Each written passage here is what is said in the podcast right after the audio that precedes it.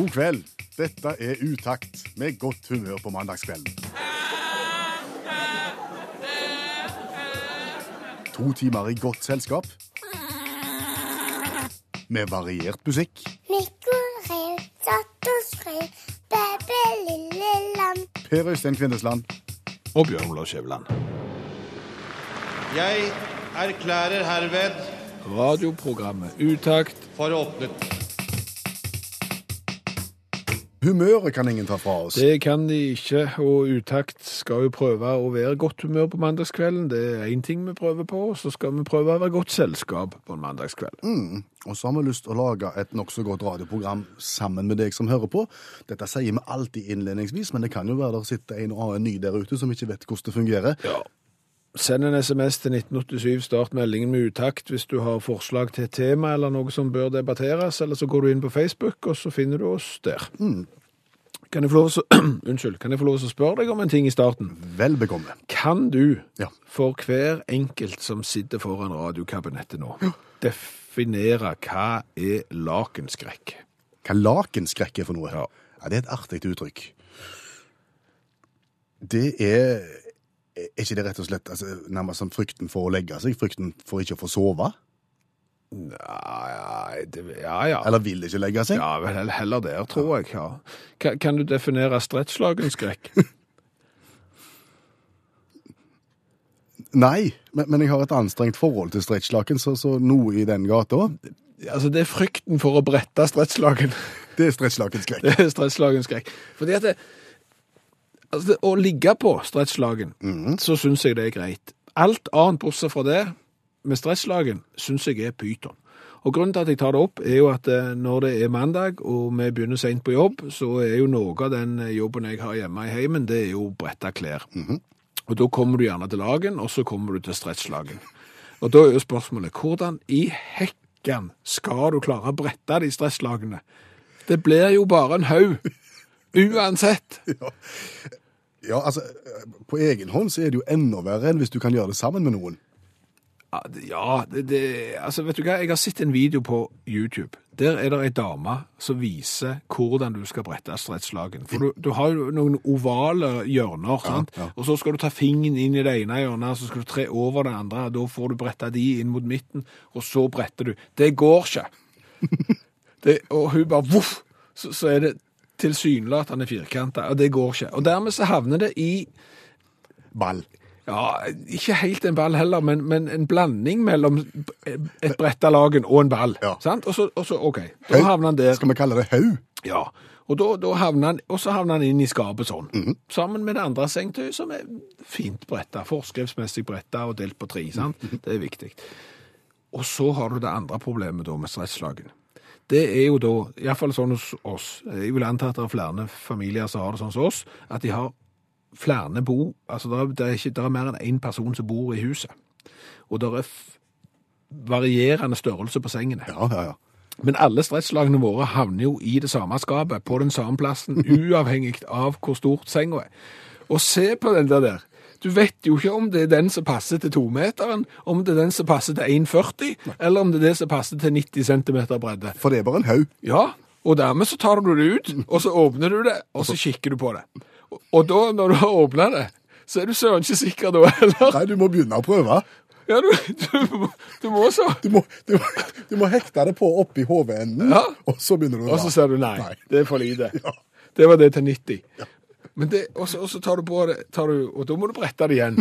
Og så lurer du på hva det var det jeg tok nå.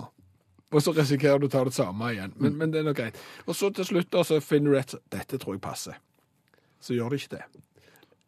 Jeg, jeg har to meter seng, Ja. og, og ett på 1,40. Det går. ja, men altså, du ser det passer nesten, og så begynner du å legge det på overmadrassen, og så begynner overmadrassen å kollapse litt i hjørnene og brette seg opp som sånn ører. Kommer mot deg. Ja, og da er det viktig å legge på tre press. Fort. Fort. Da legger du puder og dyner og sånn for å holde det nede. Og når det bare får ligget et par dager, så, så passer det. Da begynner det å oppføre seg. Ja, da, da begynner det å oppføre seg. Så det er faktisk ganske greit. Det er bare ett til problem der med disse stresslagene. Enda et. Ja, det er at der som jeg har stresslagene mine, Ja. eller våre heter det vel, det er inne på et rom der det ligger en liten krabat, så han legger seg mye tidligere, for du, utsetter jo alltid sånn oppreiing, sant? Så alt dette jeg har snakket om nå, det foregår i mørket, sant? for du skal jo ikke vekke han. Du skal inn i dette skapet og så finne det stresslagene som passer en to meter seng i mørket. Det er helt kul umulig. Det er stresslagens skrekk. Og, og januar har jo vært en litt spesiell måned. Jeg tenker at vi har mista ganske mange i januar. Du tenker spesielt på profilerte personer? Ja. ja. Altså, David Bowie forlot oss, Glenn Fry, The Eagles forlot oss forrige mandag. Eh, Og I forbindelse med det så hørte jeg uh, sitert en undersøkelse i radioen i dag. Og Der ble det hevda at eh, det er vanlig at flere forlater oss i vinterhalvåret. Altså det er vanligere å dø i vinterhalvåret. Og det er vanligere å dø i januar. Ok. Og det er vanligere å dø på en mandag. Ja. Og Så, og da med at tenk, så, så her sitter vi den 25. januar, Ja, en mandag. Ja, det er den siste mandagen i januar. Skal, skal noen dø på en mandag i januar, så må det bli i kveld. Så det var det jeg tenkte, at skal vi nå rett og slett uh, ta til oss dette her, grip dagen, lev dagen som om det var den siste, at dette, vi lager et radioprogram som om det var det siste, for sikkerhets skyld. Altså Hvis vi skal tro på statistikken, så må vi gjøre det. ja, altså det er jo den siste mandagen i januar, og, og det kan fort bli den siste. Ja, vet du hva, jeg, jeg støtter deg nesten. Vi skal leve hver dag som om det var den siste. Nei. Vi, vi, vi skal leve hver dag som om det er det nest siste, tror jeg. Bare, bare nest siste. Ja, men altså, jeg kjenner på det litt sjøl. Det er jo et sånn munnhell at vi, vi ikke må gå og tenke og grue oss på hva som kan skje, og, og liksom ødelegge hverdagen på den måten. Og derfor skal vi leve hver dag som om det er den siste. Men, men hvis jeg hadde levd som om det var den siste, så tror jeg jeg hadde, jeg hadde det, det litt langt. Ja, men altså, det er jo mye jeg ville gjort da hvis det var den siste dagen. Er ikke det det som er litt av poenget? da? Jo, men, men, men når noen sier at lev hver dag som om det er den siste, Mm. så ligger jo det implisitt at det blir jo ikke den siste. sant? Altså, det, Er du skikkelig uheldig, så kan det bli den siste, men mest sannsynlig så har du mange dager foran deg. Så, så, og det er klart at hvis du lever som om det er den siste, så tipper jeg at du har litt færre dager foran deg. Ja, For da har du kanskje trøbbel dagen etterpå, når det viser seg at det ikke var den siste. Ja, så tar du eksempel gjerne og tar noe stimulerende som ikke er heldig, og, og du gjør ting som ikke er sunt, og til slutt så, så blir eh, de dagene du, som du levde som den siste, litt få. Ja. Ja, så Det er derfor jeg tenker at hvis du lever som om det er den nest siste, ja, Du skal ikke si tre siste, fjerde siste. mu mulig det. Eh, Siste uka, for eksempel. Siste halve året. Ja, hva- altså for, i hvert fall, da ser du at det er potensialet til at du ikke sitter der og gruer deg over alt det forferdelige som skal komme, samtidig som du gleder deg over nuet. Så lev hver dag som om du har noen dager igjen, og gjerne et halvt år. Ja. Husker du første gangen vi hørte den sangen, Kjevne? Det er snart tre år siden. Mm. Husker, Og- husker du hvor vi var? Vi var i The United States of the USA. Ja, en litt spesiell plass in the United States of the USA. Vi var i Death Valley. Ja, Hva er det som er spesielt med Death Valley? Det er tørt, Kjempetørt. og det er kjempelangt til folk. For ingen folk, og det er en del advarsler underveis. At skal du gå ut av bilen, eksempel, så bør du ha med deg slangemotgift. Eh, Du bør ha varsla folk om at du har kjørt inn og langt inn i dalen, så i tilfelle du ikke skulle komme ut igjen. Vi hadde ikke slangemotgift, og vi hadde ikke varsla så mange. Nei, vi hadde ikke dekning på mobiltelefonen heller. Nei, Så vi fikk ikke gjort det. Nei. Og lenger og lenger og lenger inn i dalen kjørte vi. Eh, Så begynte det å skje noe med leiebilen. Han begynte å bråke. Ja, han lagde en lyd vi ikke likte i det hele tatt. Til å begynne med så lagde han litt lyd, og etter hvert så lagde han såpass mye lyd, og det ble så ubehagelig høyt at vi måtte skru på den sangen som vi nettopp hørte, den med Pink og Nate Russ. Kjempehøyt måtte vi ha på i bilen. Ja, Det ble en slags sånn fornektelse av at det var en ulyd i bilen. For her, her gjaldt det bare Det er ingen lyd her. Jeg hører ikke hva du sier, fordi at Nate Russ og Pink synger så høyt. Og vi kjørte og vi kjørte og vi kjørte. Og så når, når Pink og Nate hadde gitt seg, og vi hadde hørt han en åtte-ti ganger, Ja. Så var lyden vekke. ja. Det er det jeg sier. God musikk kan fjerne mange problem. Ja. Og apropos utenriksskjæveland. Korrespondenten. Alltid våken. Alltid oppdatert. Alltid nyhetssøkende. Korrespondenten. Vignetten har du lagt, for du har en korrespondent i magen. Ja, men nå begynner jeg å angre på at jeg har sagt at jeg har en korrespondent i magen. For det jeg har sagt, det er jo litt sånn, hvor vanskelig kan det egentlig være? For det som skjer er jo at en korrespondent bor i en by, men skal dekke et kjempestort område. Eksempel Asia-korrespondenten til NRK, som jo skal dekke hele Asia, som er kjempemye større enn lille Asia. Og plutselig så smeller det i den ene enden av Asia. Ja, og da må du forte deg dertil, og så får du gjerne ikke tid til å sette deg inn i en sak, så du må på en måte bare kommentere saken, tenker jeg, ut ifra det du har lært tidligere. På folkeskolen. Eksempel det og gymnas og sånn. Så du mener at som korrespondent så kommer du langt med sunt folkevett? Ja. Ja. Og det er det vi har forsøkt å teste ut, eh, om du er i stand til det. Derfor så har jeg nå funnet fram til et, eh, en helt spesiell nyhetssak som er kjent i dag. Et sted på kloden. Du aner ikke hvor du er hen, så nå skal du få gå ut av studio, og plutselig så skal vi late som om du er eh, på dette spesielle stedet et sted på kloden, og så skal du rapportere hjem om denne saken, basert på folkehøgskolekunnskapen Ja, og, det er det som er viktig. Jeg vet ikke hva sak du har funnet fram, og jeg vet ikke hva det er jeg skal kommentere. Og, og til deg som sitter foran radio nå, du kan jo selv prøve å se om du klarer å finne ut av Snakker du deg ned når du sier det enkelt? Nei, nei, nei, jeg skal klare det her. Jeg går. Kan jeg kjøre vignetten? Kjør! Nyhetsvignetten eh, går, og eh, vi skal i dag til Australia, der en eh, skal ha fanga det som trolig er verdens største og farligste edderkopp. Eh, Bjørn Olav Skjæveland, eh, du står nå utendørs i Australia. Hvis du skal beskrive dette beistet. For å si det sånn, det er svært. Det er mye større enn du skulle tro. Det er jo som du sier, det, det største, den største edderkoppen som noensinne er fanga. Og det er klart han har jo skremt vannet av folk her i Australia. Han er større enn håndflaten din. Han bærer jo navnet Big Boy, og det er jo ikke uten grunn. Nei, det er ikke uten grunn. Det er klart Når du er nærmere 30 cm fra den ytterste tentakelen din til den andre tentakelen, eller foten, som det kalles, så, så er det klart at da får du et sånt navn. Ja, eh, Hvis vi sier 20 cm eh, fra ytterst til ytterst, så er vi inne på det, tenker jeg. Ja. Eh, Hva skjer med Big Boy nå, som etter de har fanget han? Nei, nå skal han jo stilles ut. Det er klart at han skal stilles ut, sånn at folk kan få komme og se på han. Før han Først skal de slippe han ut, og så skal de stille han ut etterpå der. Men det viktigste, bortsett fra å stille han ut, hva, hva, hva er det? Eh, Det er jo å artsbestemme den. Det har de gjort.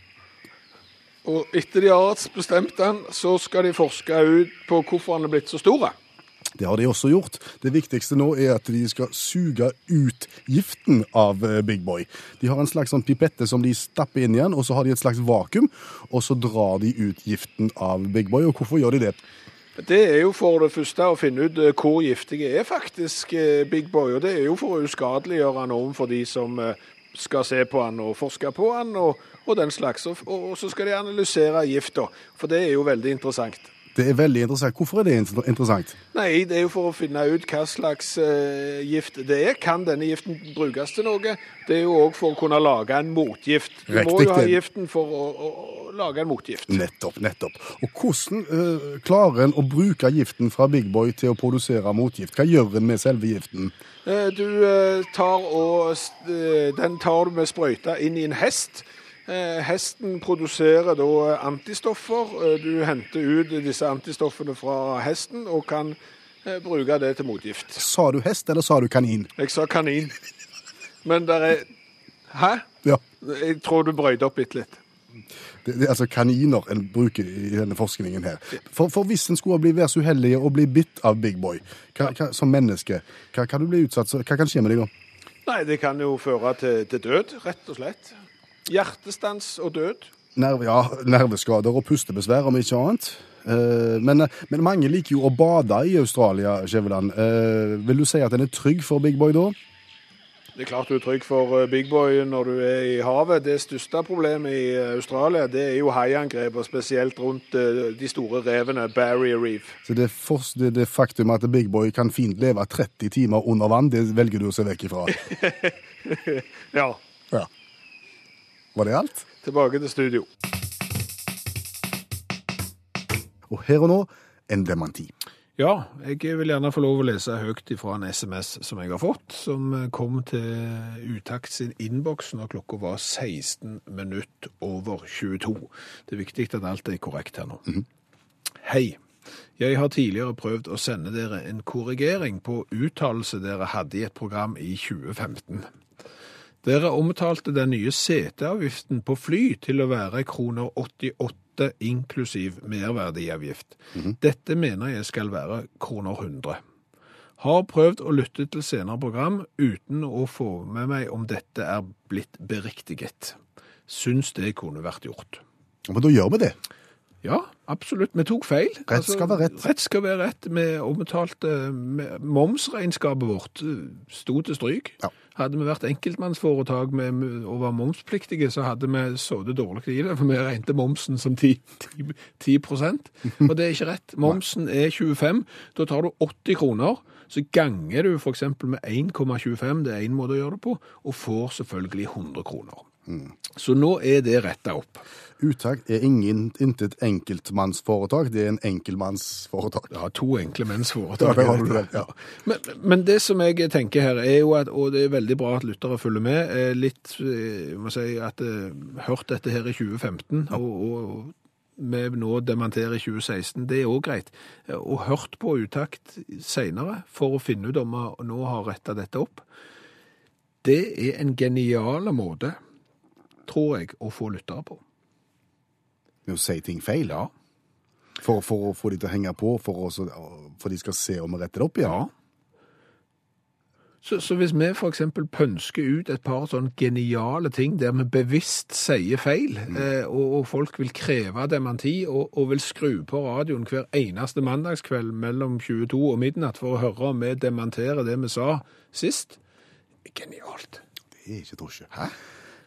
Kunne vi, kunne vi lagt ut en allerede nå? Er det noe, noe vi kunne sagt? Nei, altså nå, nå skrev jo jeg nettopp uh, unna på, på overtidsskjemaet eh, som jeg fikk tilsendt i inn, innboksen på, på jobb, og jeg ser jo det at eh, jeg vet ikke om jeg klarer å bruke opp alle de der overtidspengene, men tjener såpass godt i NRK at når jeg får 250 000 utbetalt hver eneste måned, så klarer ikke jeg å bruke opp det. Altså, skal det- noe til å få utgiftene til å strekke til. ja, jeg syns òg det. Og jeg syns at eh, lisensen kunne godt vært sagt ned eh, to kroner. Sånn at vi ikke tjente 220 000 hver eneste måned. For det, det, så mye trenger vi ikke. 200 000 per måned hadde vært nok. Hver eneste mandag så har vi besøk av allmennlærer Olav Hove med to vekttall i musikk, eh, fordi han vet en del ting som vi ikke vet. Ja, og, og, og det er veldig greit å lene oss på, på Hove når vi står fast. Han kom litt oppglødd inn i dag, og, og, ville gjerne snakke om en spesiell seilas. Eh, To eldre menn om bord i en båt, Hove. Ja, det er to amerikanere, Steve Shapiro og Robert Wiese. De de er 71 år gamle menn som skal eh, seile fra Norge til USA. Eh, det står i Dagbladet at eh, en drøm som amerikanere flest har. Det kan ikke jeg stå inne for, at amerikanere flest ønsker å seile fra Norge til Amerika. Men så står det. Reiste fra Florø i juli, og så har de støtt på enkelte problem. Har, hatt, har fått I juli. I juli, ja, ja, altså i juli måned. Det er jo lenge siden det. Ja, ja, ja. men de de er pensjonister, en god ting. Eh, støtt på en del problemer, har hatt redningshjelp eh, hele sju ganger til nå, og ennå ikke truffet Atlanterhavet. Så da begynner det å haste litt. Da. Hvor langt er de kommet? De kom til Cornwall i, eh, i England. De har kommet til England siden juli. Ja, og så blir dette publisert over hele verden, sant? med litt sånn tosjen eh, selfie. Så han tar han her eh, Steve med doggete briller, og han andre som ser litt sånn bullefunken ut bak. Er det sånn at verden ler litt av våre to 71 år gamle venner nå? Ja, det er det jeg føler. Verden ler, eh, og det er ingen som er løsningsorienterte. Og da føler jeg kanskje min plikt her nå å være litt orienterte, for, for, for her, her kan vi gå inn og hjelpe dem. Her kan vi gå inn og støtte dem, og det finnes enkle tiltak. Ok, Hva vil allmennlæreren gjøre for to 71 år gamle amerikanere som er på vei i båt fra Norge til USA, men som sliter og ikke har kommet lenger enn til Cornwall? Ja, og har fått treningshjelp sju ganger. Og da er det slik at det er mer mellom himmel og jord. For de har røket i land nå i Cornwall, og i Cornwall bor jo Eric Abbott. Sjølvaste, sjølveste ypperste presten innenfor dårlig seilkunnskap.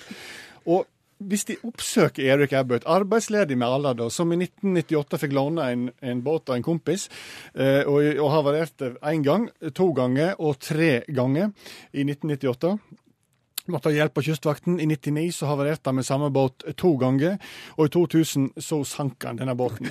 Og da var kompisen begynt å bli forholdsvis lei, for nå har han hatt fem havari på de tre årene. Skulle han noen plass, eller var det bare sånn ute og seile litt? Nei, han var flink å surfe, altså, og han kjenner havet, som han sier sjøl, og, og liker å seile litt store bølger. Eh, men så har du da seks havari på tre år, og, og i 2001 så fikk han tilbud om seilførerkurs fra Cornwall Yachtforening, noe han avslo, så han syntes var litt sånn Hallo! Jeg kan jo seile, jeg har jo greie på det her. I 2002 kjøpte han seg båt, Erik Abbott. Eh, dumt. Eh, I 2003 ble han landskjent for å ha ringt kystvakten i Liverpool og spurt om de vet hvor Isle of Man er. Eh, noe de visste, men han hadde ikke peiling på. Eh, kystvakten gikk ut da og redda han, for han hadde havarert en smule òg. Det sa han i en bisetning. Eh, fikk han på rett kjøl, snudde han tilbake mot Cornwall. Eh, kystvakten reiste inn igjen og fikk ny nødmelding at han hadde havarert en gang til. Eh, Så var det stilt en stund, for båten var ødelagt. De måtte reparere, mon tro. Så han, eh, han, båten var klar og ship og shape i 2006. eh, La ut for Cornwall og grunnstøtte etter 25 minutter. En ny reparasjon. Hele 2007 gikk med på det. I 2008 havarerte han tre ganger. Det var helt inne med kysten. Men Eric Abbott, han, som han sa på et intervju da, alle havarerer jo innimellom. Ja, og Kystvakten repliserte, men, men ja, noen havarerer, men ikke annenhver gang. Eh, 2002, 9, 2008 ja, tre ganger. 2009 to havari. 2010 ett havari, men da seilte han litt lite, hadde problemer med ryggen. 2011 to havari og en grunnstøyting. Eh, knekte armen da, så han hadde en ganske lang pause helt til 2013. Eh, og eh, der han hadde en lengre seiltur. Eh, tre timer seiltur fra Cornwall, men var uheldig og grunnstøtte på vei hjem igjen. Eh, oppe i 22 havari da siden 1998. Kanskje de har besøkt han, da? Ja, men hva skal de, hva skal, For å få selvtillit? Ja, for å få opp selvtilliten. og skjønne at det, ikke gi opp. Fortsett med dette her. Jobb videre. Godt at noen er løsningsorientert, sier jeg. Har jeg fortalt deg at jeg og James Taylor sammen har spraylakkert en barkrakk? Nei, det har du ikke fortalt. Det har vi gjort. Det har du gjort. Rett og slett spraylakkert en barkrakk sammen med James Taylor. Hva farge da? Svart. Dere spraylakkerte han svart. Hva, hva farge var han? Han var hvite først, så ble han svart. Ok, Sånn vanlige barkrakk, sånn litt høye? Mm. Hvor kjøpte den henne? Ikea. Ja, Den var gjerne ikke så dyr, da. Nei, det koster ikke all verden, det. Så det var ikke så farlig da du malte den.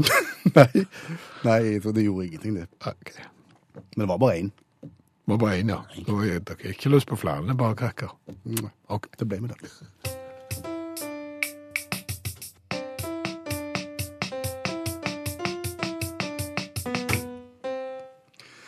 Er det sånn, Skjæveland, at vi nå må dementere demantien? Jeg har en følelse av det. Ja, vi, vi må det. Eh, Begynn, begynn med demantien. Altså, hvor begynte dette her? dette begynte med at vi i 2015 eh, snakket om flyseteavgift. Og vi sa da at eh, flyseteavgiften var på 80 kroner, Ja. og at eh, flyseteavgiften ble 88 kroner når du hadde lagt til momsen. ja. Så fikk vi kjeft. Så fikk vi bitte litt kjeft, ja. Vi fikk en SMS i dag eh, der det ble påpekt at vedkommende hadde hørt eh, på et program i 2015 der vi eh, sa at flyseteavgiften skulle være 88 kroner inklusiv moms. Mm. Den må vel være 100. Eh, Har prøvd å høre på utakt i senere program uten at dette har blitt retta opp, eh, og vedkommende syns at dette kunne vært gjort. Vi er jo ikke verre fantene enn at vi la oss langflate og sa at flyseteavgiften OK, den er 80 kroner pluss moms, altså 100. Og unnskyld. Ja, for vi trodde vi var ferdige med det, men den gang ei. Ja, er ikke det. Nei, for da datt det inn med nye meldinger som eksempel sier at eh, ja, det stemmer at den ordinære momssatsen er 25% men momssatsen for transporttjenester er imidlertid 10 Ja. Dermed hadde dere rett i utgangspunktet. Flyseteavgiften, inkl moms, er 88 kroner, sier eksempel Håkon i en mail. Ja, for å si det sånn, det er mange som har sendt SMS og sagt at flyseteavgiften er 80 kroner pluss moms, altså 88. Og da har vi dementert demantien, og nå satser vi på at vi slipper å dementere Demantien De- av dementeringen. Ja, Ja. ja, det ville vært tosje.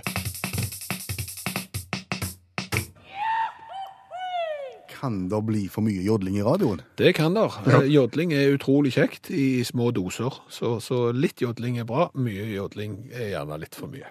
Det setter oss i en slags stemning, eh, en konkurransestemning i dette programmet her. Og vi søker jo da motiverte deltakere. Ja, og en av de som er motiverte til å konkurrere i dag, det er Morten Fransrud. Og Morten, kan du fortelle hele Norge hvorfor du er motiverte for å konkurrere i utakt i kveld? Etter å ha brukt en hel kveld på å skru sammen et sånt eh, Ikea speilskap på, på badet på hytta, eh, med innlagt lys, og ja, så trenger jeg å være like dårlig på radio, tenker jeg. Ok, det, det, det gikk ikke bra, altså. Du er ferdig nå, men det tok en dag. Så nå trenger du å avreagere litt, rett og slett. Yes. Det var deilig. Ja, flott. Skal vi ta reglementet kjapt før vi går i gang? Det skal jeg fortelle både til Morten og alle andre. Jeg har ni spørrebøker foran meg på pulten her. Eh, Morten velger et nummer fra 1 til 9. Jeg trekker spørrebok, han velger et sidetall og et tilfeldig spørsmål, og svarer han rett, så får han gladjodling. Og svarer han feil, så blir det tristjodling. Men uansett så skal Morten få lov til å gå i ring rundt Ikea-speilskapet med ei utakt-T-skjorte. Med vedhals.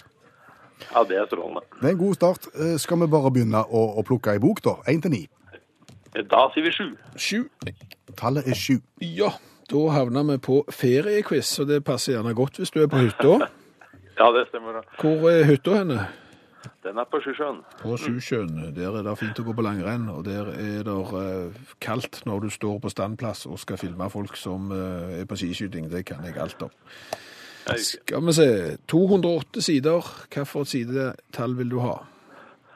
174 jeg har hørt er veldig bra. Ja, det, det er kjent for å være bra, det. Det står faktisk på, på framsiden her. Det er 1000 spørsmål og svar for hele familien. Spesielt godt på 100 side 74. står det. Det anbefales det, vet du. Ja. Underholdning. Ti spørsmål. Oi. Hvilket spørsmål vil du ha? Eh, det jeg kan, for eksempel sju. Ja. Hva heter fengselshunden i tegneserien om Lucky Luke? Fengselshullene, eh, Dalton-brødrene. Nei, eh, hu- hunden. Å, oh, hunden! Oh, har ikke peiling. Hvis du Hvis du tenker på en sang eh, ja, Eivind Ratata.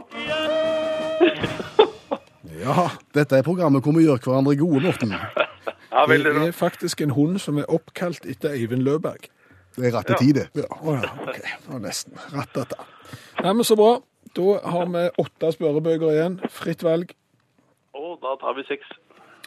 Da har du havna på Barnas egen spørrebok fra 1963.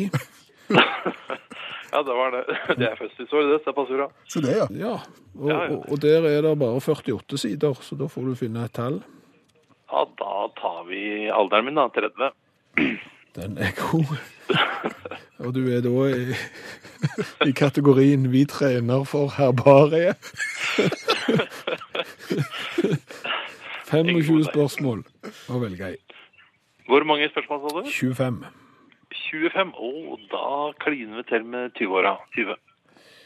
Hva slags rot har lerkesporene? ja Hva slags Rot har lerkesporene. i- Barerot. Ja, eller så kan de være motsatt av tottforma. Den var dyp. Den var dyp. Røtter er gjerne dype. Ja. Ja, altså du har eh, og, og tott. Glatt. Hvis vi er på tegneserien igjen nå Ja, eh, og det motsatte av tott er da kn, kn, kn, Knoll og tott. Knoll. De er knollformet. Det er knollformet rot, ja. Selvfølgelig. Ja, det kommer jeg på nå. Er det mye snø på Sjusjøen? Ja, det er så mye snø at de skjuler alle disse røttene, så da fikk jeg ikke sett den rota akkurat nå. nei, nei, nei, men det forklarer mye. Ja. Ja, veldig. Siste kategori. Da er det syv spørrebøker igjen. Syv spørrebøker Da tar vi jo Da tar vi tre, da.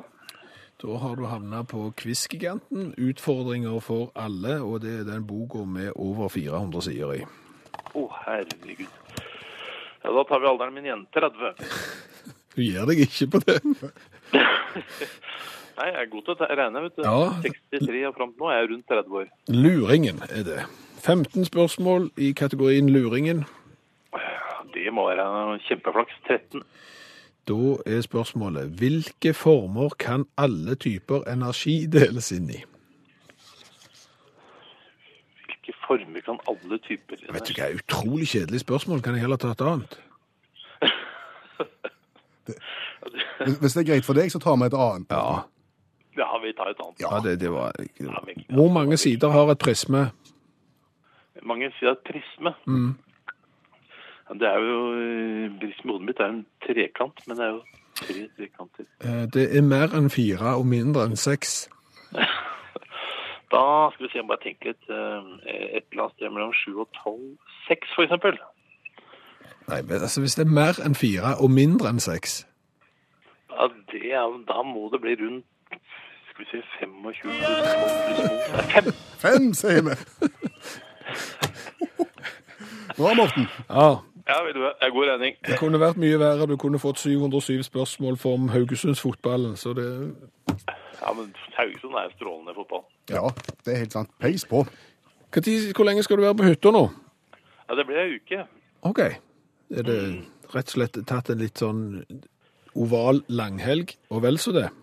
Jeg har tatt en liten vinterferie når gikk andre av vinterferie, så blir det litt stille og fredelig oppe her. Mm. Blir det flere skap som skal skru sammen, eller har du gjort den jobb, delen av jobben nå? Hva sa du nå? Skal du skru sammen flere ting? Å oh, ja, det er ganske fersk hytte. Den er 14 dager gammel. Det er ganske mye som skal skrus. Oh. Da bør du ikke bruke én dag per skap, altså. Jeg er nysgjerrig på et helt IKEA-kjøkken. Så gikk det året òg. Ja, det vet jeg ikke. Det får jeg se om jeg må bli her en uke til. eh, skal vi si det sånn, hvis det er noen skigåere i området Sjusjøen som tusler forbi, og så ser en mann som ser litt sliten og lei ut der inne forbi gluggen, så stikk gjerne innom og ta med en Braco-nøkkel. Ja, ja, ja ikke sant? Ti-tolv 10-12 stykker, det passer bra. Helt flott. Takk for at du var med oss. Takk for at vi er med. Så er det en del faste poster i dette programmet som heter Utakt. Konkurransen du nettopp hørte, er en av de. Eh, En annen fast stolpe, Utakts store coladugnad. Ja, og det er en eh, totrinnsrakett. Eh, Første trinnet på raketten er jo rett og slett å opplyse deg som skal ut og reise, hvilken cola du bør drikke i hvilket land. Det er en jungel der ute, såpass har vi funnet ut til nå. Ja, og den andre er jo rett og slett at det er jo ganske tøft. Å være det radioprogrammet som har smakt på mest cola. For vi har smakt på nærmere 50 varianter nå fra hele verden. 53 er vi oppi nå. Er det såpass? Japp. Eh, Vi smaker, gir poeng for smak, og vi gir poeng for design på boks. Og i Ja. dag så skal vi til Deutschland. Vi skal til Deutschland, de sterkeste cola der velt skal vi drikke. Vi skal drikke det som heter Cola Rebell. Altså verdens sterkeste cola, skulle det bety? Ifølge tyskerne her, dette her er kraftstoff-cola. Kraftstoff-cola. Ja, en svart eh, boks på 250 milliliter med to sabler som er kryssa under et eh, skjold av eh, et sånn et våpenskjold som ser ut som en borg, og under så står det Cola Rebell. Han ser nesten ut som en litt sånn sjørøveraktig den der layouten der. Mhm, Og grunnen til at han uh, sier at han er den sterkeste colaen i verden, og at det er en kraftstoff-cola, er fordi han inneholder mye mer koffein enn vanlige cola. Så når vi smaker på den nå klokka ti på halv tolv en mandagskveld, så sover ikke vi før ut på morgendagen. eh, på onsdag. Satser vi på. Eh, Og bakgrunnen for denne rebellcolaen er visstnok tre kamerater som satt på et utested i Hamburg, og så heiv den ene chili oppi en cola til den andre, og så smakte det visstnok ikke så verst. Så begynte de å produsere da cola med chili, og så har det blitt til litt andre typer, og blant annet denne kraftstoffcolaen som da skal være med mye koffein, og så er det noe andre, det er noe annet rusk òg inni her. Sitronsaftkonsentrat og gurana-ekstrakt. Jeg er spent på effekten. Klar, ferdig, gå. Ja, vi åpner Rebell-colaen. Den liflige lyden av tømming av boks. Ja, og jeg tror boksen er så liten, for at du skal vel ikke drikke så mye av den hvis det er så mye koffein igjen. Jeg tror det er det som står på på en advarsel. Jeg kan jo ikke mer tysk enn det jeg har lært av Derek, så Står det angst? der står Harry. Ich habe einmal ungebracht, eller noe. Vi smaker.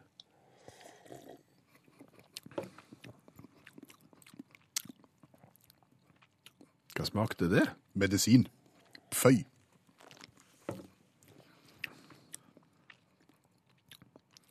Det smaker, det smaker en medisin som de har forsøkt å lage noe colagreier på, sånn at medisinen skal gli ned lettere på barn. Jeg hadde spist den, men drukket den her, men jeg var ikke. Smakmessig katastrofe to. Ja, du, du får medisin etter smak. Det var rar ettersmak, ja. To. Er du enig? så vond, jeg var ikke så vond, ja. tre. Boksen, Beskriv den for alle oss som ikke ser den. ja, det var den svarte med dette våpenseilet med en borg og to kryssa sabler. Kjenn på ettersmaken, er så... Den er ikke god i det hele tatt. Verre og verre. Den, den, den ser nesten ut som en sånn en energidrikk. Ja. En slags Red Bull, bare i svart forkledning. Vet du hva, nå har jeg sittesmak. Jeg, jeg, to. Jeg går ned til to. I, prote ja, i smak, ja. Ja, ja, ja. Ja. Men jeg kan ikke gi dårligere, for jeg har smakt noe som er så vondt at jeg nesten må gå ut og brekke meg. Så. Men ja, men, men det er klart det er tøft. Boksen er kjempetøff. Ja. Ja. Eh, Det er intet mer å si. Kraftstoff-cola, de sterkeste cola der velt, det svinger der av uansett. Og jeg tror det kunne blitt sånn, så hvor mange klarer du? Hvor mange klarer du? Jeg tror vi gir en åtter på design, jeg. Ja, jeg sju. Jaha. 8, 15 pluss 4 er 19. Det er jo en middelhavsfarer. Aldeles middelhavsfarer av en cola. Havner inn med, med Rocketfiss og, og La Casera. Hvis du vil, så kan du gå inn på vår Facebook-side, søke opp Utakt. Der vil du kunne se alle boksene vi har smakt på, og, og se bedømmingen. Og ettersmaken av der sterkeste cola der velt sitter i. Føy.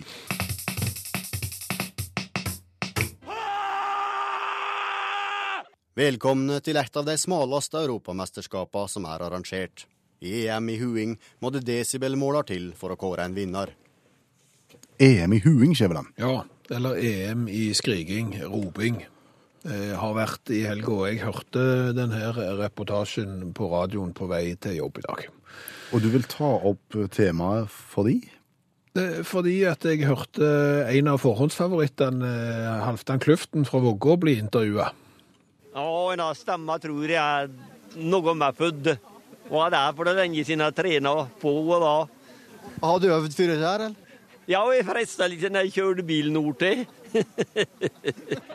Godt humør på Halvard. Ja, Ja. men hva sa han? Nei, det var ikke bare enkelt å skjønne hva han sa. Nei, eh, og, jeg skal ikke, og grunnen til at jeg tar det opp nå, er jo fordi at Halvdan er fra Vågå og snakker dialekt Ja. på radioen. Og jeg må innrømme, jeg hadde problemer med å forstå hva han sa. Og da tenkte du Vi snakker dialekt på radioen. Tenk om folk der ute har nøyaktig det samme problemet med oss som vi har med Halvdan.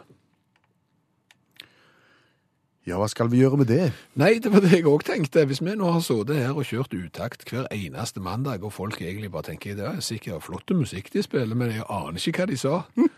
Jeg, forstår et og annet ord, men, men ellers er det bare Tror de synes at Stavanger-Haugesundsdialekten er vond å forstå? ja, Det er det jeg ikke vet. Det er derfor jeg Nå, nå, spør, jeg- nå spør jeg. Ja, det er for så vidt helt idiotisk å spørre på radioen òg, for hvis du ikke skjønner hva vi sier, så skjønner du jo ikke spørsmålet. Ja, men Spør på bokmål, da. Ja. Eh, har du problemer med å forstå hva vi sier på radioen? Send en SMS til 1987 og start meldingen med utakt. Nå hørtes det ut, ut sånn som jeg høres ut når jeg snakker med, med utlendinger. Ja, det, det skulle du hørt, du som hører på radio nå. Du skulle hørt Per Øystein. Han slår om til bokmål når han snakker med folk som ikke har norsk som morsmål. De kan ha bodd i vårt distrikt i åravis. Per Øystein slår konsekvent over på bokmål. Og det er mulig, hvis det nå viser seg at vi snakker et språk som folk ikke forstår, at du må gå løs på bokmål. Ja, det skal man klare. Det skal man klare. Og mange har svart oss på spørsmålet om de forstår hva vi sier, til tross for at vi snakker dialekt i radioen. Og heldigvis så svarer de fleste at de forstår. Noen sier at det går litt fort av og til, at det da kan være litt vrient. Det tar vi til etterretning. Det tar vi til etterretning. Og aller tydeligst har vel han Jan sagt det. Ja. Je skraute et kvepstau døkker preikar, men tykkjas sprautpløyda uppå musika flekkja gøtt. Ja, tydeligere sier vi det ikke.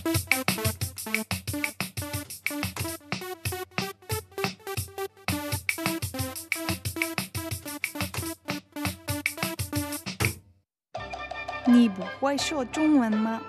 没问题的。Utakt 要教你。 Kan du ikke kinesisk? Ingen problem. Utakt vil lære deg. Det var det vår Kina-ekspert Kjersti Hetland sa akkurat nå på denne vignetten. Ja, og, og det er fordi at kineserne de har jo en egen evne til kreativ språkbruk, bokstavelig talt. De setter sammen ord, og så får de uttrykk som kanskje for oss vil virke noe fjerne, men når du får de forklart, så skjønner du at ja, sånn skal det være, det kunne vi jo brukt. Og dermed er dette blitt en oppgave for Utakt og vår Kina-ekspert Kjersti Hetland, som tar for seg ord og uttrykk hver mandag. Kinesiske sådanne. Ja, bare kjekt. og uttrykket vi skal ta for oss i kveld, er Mama hu-hu. Mama hu-hu. Mama hu-hu. Det hørtes ikke ut som et kinesisk uttrykk. Det hørtes ut som det var en eller annen som jobbet på en kafé et utested i Thailand, som ikke hadde rent mel i påsken for å være helt ærlig. Å ja, du er en sånn mamma-ho-ho-greier, du, ja. Jeg syns det hørtes mer ut som en som ropte på mor. Mamma ho-ho. Ja, Men det, er, altså, det kunne vært mor, men da var det mamma. Og da hadde jeg sagt Da hadde du sagt mor. Men du sier Mamma. Og det blir noe helt annet. Ja. Ja. Og du går ned på slutten. Mamma. Altså, det, det betyr jo ikke mor når, nei, mor når du har den der tonen, for da betyr det hest-hest. Ja. Og hvor kommer ho-ho inn i dette her? Ho-ho. Det betyr tiger-tiger. Så det du egentlig sier, er Hest-hest, tiger-tiger. Ja, Men dette har jo selvfølgelig en litt annen betydning òg. nettopp. Og den Ja. er vi interessert i. Ja. For hest, hest, tiger, tiger, det betyr at noe er sånn, ja, sånn passe. Så hvis du spør eh, «Ni går det sammenhanga, hvordan går det? Mm, så kan du si mamma, ho, ho. Altså, Sånn passe. Bob-bob, liksom? Bob-bob. Ja, ok, Midt imellom? Mm. Akkurat. Men dette har jo en historie bak seg, da, som eh, en del av disse uttrykkene har. Og dette skal ha vært en maler, en kinesisk maler for mange mange hundre år siden, som en gang malte et bilde der det var et hode av en tiger og kroppen til en hest. Og så spurte de to sønnene hva dette var for noe. Og så sa han til den ene sønnen jo dette er en hest, og til den andre sønnen dette er en tiger. Og så gikk eh, den ene sønnen ut og prøvde å ri på en tiger og ble drept. Og den andre han skjøt en hest for han trodde det var en tiger. Så da er det liksom dette opphavet da, til dette uttrykket. Føler du at dette er et uttrykk vi kunne adoptert? Ja, det er jo eh, litt som verken fugl eller fisk, på Mm. en måte. Midt imellom. Mm. Så vi kunne jo sagt hest, hest, tiger, tiger. Eller mamma ho-ho, hvis du er i Thailand på et lugubert utested? Hvordan syns du dette gikk? Nei, eh, hest, hest, tiger, tiger. Hva sier du, Kjersti Hetland? Mamma, ho-ho. Relativ størrelse på TV. Og idet jeg sa det, så hørte jeg at det hørtes veldig kjedelig ut. Det hørtes kjempekjedelig ut. Det Det hørtes gørr ut. Relativ størrelse på TV, og da snakker vi ikke om selve TV-skjermen. Nei, vi snakker om det som er på TV-skjermen, altså det du ser. På, I programmet. Ja. Størrelser i programmet. Ja, det er det vi snakker om. Og det er ikke gørr i det hele tatt. Det er kjempekjekt. Flott. For, for fordi at det, Du vet jo det, på Øystein. Jeg, jeg er jo utdanna fotograf, så akkurat dette kan jeg. Det som du filmer, det som er inn forbi liksom ramma på det linsa klarer å fange opp, det er det som kommer på TV. Det andre kommer ikke med. Var, var det sentralt i pensum på, på fotoskolen? Å ja, ja. Det var første året, det. Ja. Viktig at du har objektet inn forbi linsa. Søkeren, på en måte. Ja, Ellers så kommer det ikke med. eh, og Det betyr jo at eh, fotografen bestemmer mye hva som kommer på, på fjernsynet. Sånn som i dag, når vi har eh, gløtta litt bort på håndballkampen som Norge spilte mot eh, Makedonia, et land som har et flagg som ligner på et sjørøverflagg. Eh, da er det jo alle spillerne på banen som stort sett er i fokus. sant? Og de ser store ut, tenker jeg da. Ja, det, det ser litt spesielt, ser du. Fordi at da, da ser du sånn at det, i og med at hele banen er full av håndballspillere, så ser du at han eh, lille på kanten, han som spiller ving, mm. han er en liten pjokk. Eh, og så har du et svært mannfolk som spiller strek, og så har du noen litt mindre, men allikevel ganske store, som spiller back. Og så gjerne en liten outsider som ser litt liten ut. Hva er det du prøver å si? Alle er svære.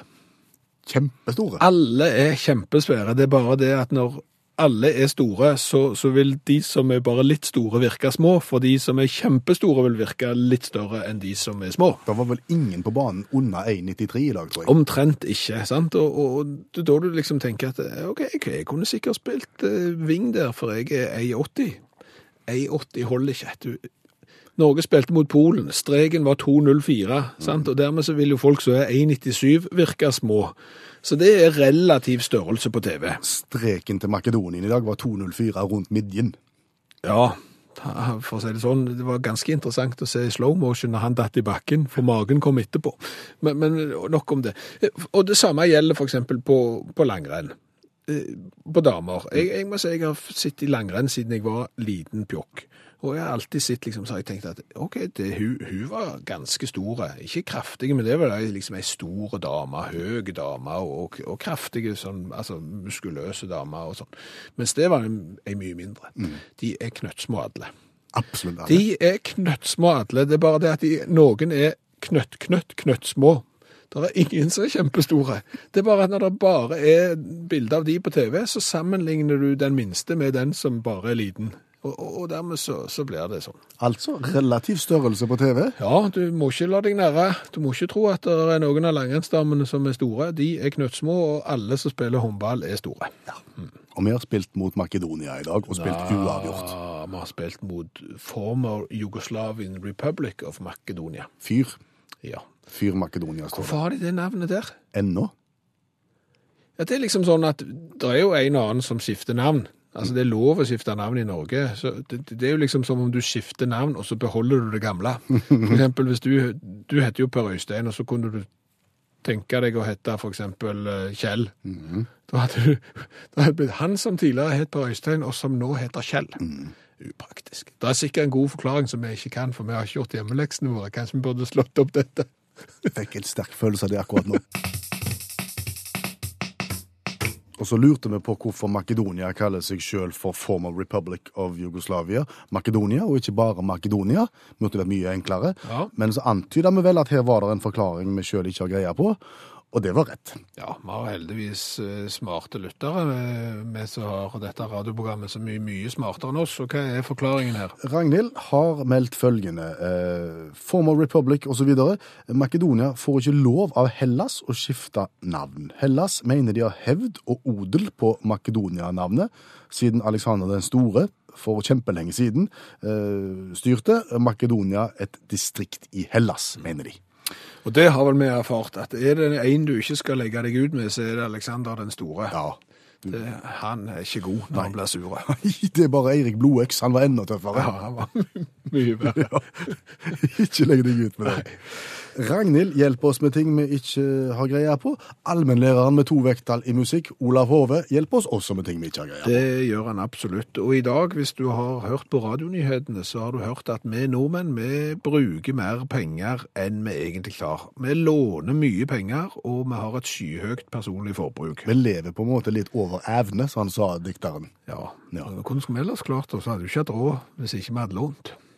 Nei. Nei. Det handler vel egentlig om å, å lære oss å motstå fristelser og stå litt grann imot. Er det ikke det det handler om? Jo, Det er det iallfall allmennlærer med to vekttall i musikk, Olav Hove, mener noe om, for det finnes nemlig strategier for å motstå disse fristelsene, sant? Ja visst gjør det det. Det finnes mange. Men det er en del feller å gå i. Uh, vi kan begynne med Iris Hung ved det nasjonale universitetet i Singapore. Hun har sammen med Aparna Labro ved universitetet i Chicago jobba litt med det der med viljestyrke. da. De fikk tak i en, eh, i en knippe med slabbedasker men uten viljestyrke i det hele tatt, og så delte de i to grupper. Fordi de hadde teori om at vi, kroppen vår er et finstemt instrument. Sant? Så alt henger sammen med alt. Så de ga disse her eh, slabbedaskene en del øvelser, bl.a. gå opp på glødende kull og slike ting. Bade i isvann og den type ting. Drikke en halvliter med tran. Eh, og, og så få et fat med nystekt bacon, og ikke ete det, og slike ting. Eh, og der var det, var det slik at første gruppa de fikk beskjed om at de måtte slappe helt av i kroppen. Fullstendig avslappa. Eh, mens gruppe to de skulle spenne alle musklene i kroppen. Det viste seg at de som var spente musklene, de, eh, de klarte seg best. De, eh, klarte å motstå fristelsene. de klarte å, de åt ikke opp bacon og sånne ting, og, og de klarte liksom å fokusere mer. Og det viste seg at det å, å spenne musklene, det var ganske lurt. Eh, så hvis du da går på Rema, eller du har funnet en, en, en slipsknyttermaskin eh, til 3500 kroner, spenn alle musklene, så, så det, er sjansen større for at du motstår fristelsen. Men her er det ei felle. Fordi at Bram van der Berg, kjent professor fra eh, Erasmus-universitetet i Rotterdam, han gjorde et forsøk på akkurat det samme, og han var enig i det hjelper å spenne musklene. Men så tok han og tenkte det her må jo, det kan hende det er noen feilmarginer. Så han ga en x antall folk eh, handlevogn, og noen fikk sånn korg, vet du. Ja, Ja. Var det slabbedasker dette òg? Ja, dette her var slaur. Eh, småsvoltne slaurer sendte det inn i en lokal sparbutikk og sjekka hvordan dette her gikk. da. Og da viste det seg at de som hadde korg, da, de kjøpte mer sjokolade. De belønna seg sjøl. Dermed så fant Bram van der Berg ut at eh, det er veldig bra å stramme musklene. Gjør det i butikken. Gå stiv som en pinne, men ikke stram biceps. For biceps, da, da setter du i gang prosesser i kroppen som gjør at, at du får lyst til å belønne deg sjøl. Det er greia. Gå i butikken, vær helt slapp i armene, vær helt stiv i resten av kroppen. Hvis det er så da at du fortsatt ikke klarer å motstå fristelsen å kjøpe denne slipsknyttemaskinen, di, eller som jeg gjorde i min tid, en videokassettebaksporingsmaskin i form av en korvette, som koster altfor mye penger, eh, så finnes det en siste utvei. Og, og Mirjam Tuck, og dette nå med Universitetet i Trente, mye hollandsk forskning innenfor, eh, innenfor denne, dette her området her, og, og, og Debra Trampe ved Universitetet i Groningen, de, har, de var på en kjedelig forelesning her en dag. Visste det, her en dag, det er to år siden, visste det kom til å bli kjedelig, så de bøtta innpå sånn åtte-ti kopper med kaffe. Og så setter de seg ned og noterte, og så melder jo selvfølgelig problemet seg. Altså du blir, du, du blir tissenødig, som det heter. Eh, og dette var helt galt, men de satt nå ut forelesningen. Og Så sjekka de notatene sine, så viste det seg da at alt de hadde notert seg etter at denne her blæregreia inntraff voldsomt, var, det var bedre notater, altså. Så derfor så fikk de tak i et ny testgruppe. Fortsatt slabbedasker. Ga, ga ene gruppa med slabbedasker halvannen liter vann, og den andre gruppa fikk ikke noe som helst. Eh, og så fikk de en del sånne ut, utfordringer som f.eks. vil du ha en 50-lapp i dag, eller vil du ha 200 kroner om 35 dager. Og da viste det seg da at disse her tissetrengde de valgte generelt mer fornuftig enn de som ikke var tissetrengde. Så, så, så Miriam Tuck og Debra Trampa funnet at eh, Slappe armer, helt avstilt kropp og jækla tissenødige, så handler det ikke mer enn du trenger på Rema. altså. For så er det sånn, Jeg skulle likt å se hvordan jeg så ut hvis jeg var stiv i hele kroppen, slapp i armene og var tissetrengende. Det er jo sosialt Da selvmord. er du på ditt fineste. Det er da du kjenner at du lever. Kjell. Tusen, tusen takk til alle som bidrar til at Utakt blir et nokså godt radioprogram. Ja, så alle som kan rette opp når vi ikke lurer på hvorfor det heter Former Yugoslavian Republic of Macedonia, og som kan fortelle oss at eh, momsen på flysetet er 10% og ikke 25 som gjør at vi kan få lov å demantere demantien. Tusen takk til alle, og ikke minst tusen takk til de som har ødelagt eh, fingrene sine på volleyballtrening, og som utsetter legevaktbesøket til i morgen fordi at de må høre utakt eh, ferdige. Er det sant? Det er sant, jeg har fått bilde òg. Jeg vet ikke om det er så imponerende, det er gjerne litt dumt. Å utsette legevaktbesøk for å høre Utakt? Det, det er rørende, men dumt, kan vi vel egentlig si. Jeg heter Per Øystein Kvinnesland. Jeg heter Bjørn Lars Skjæveland. Tusen takk for i kveld. Hør flere podkaster på nrk.no podkast. NRK P3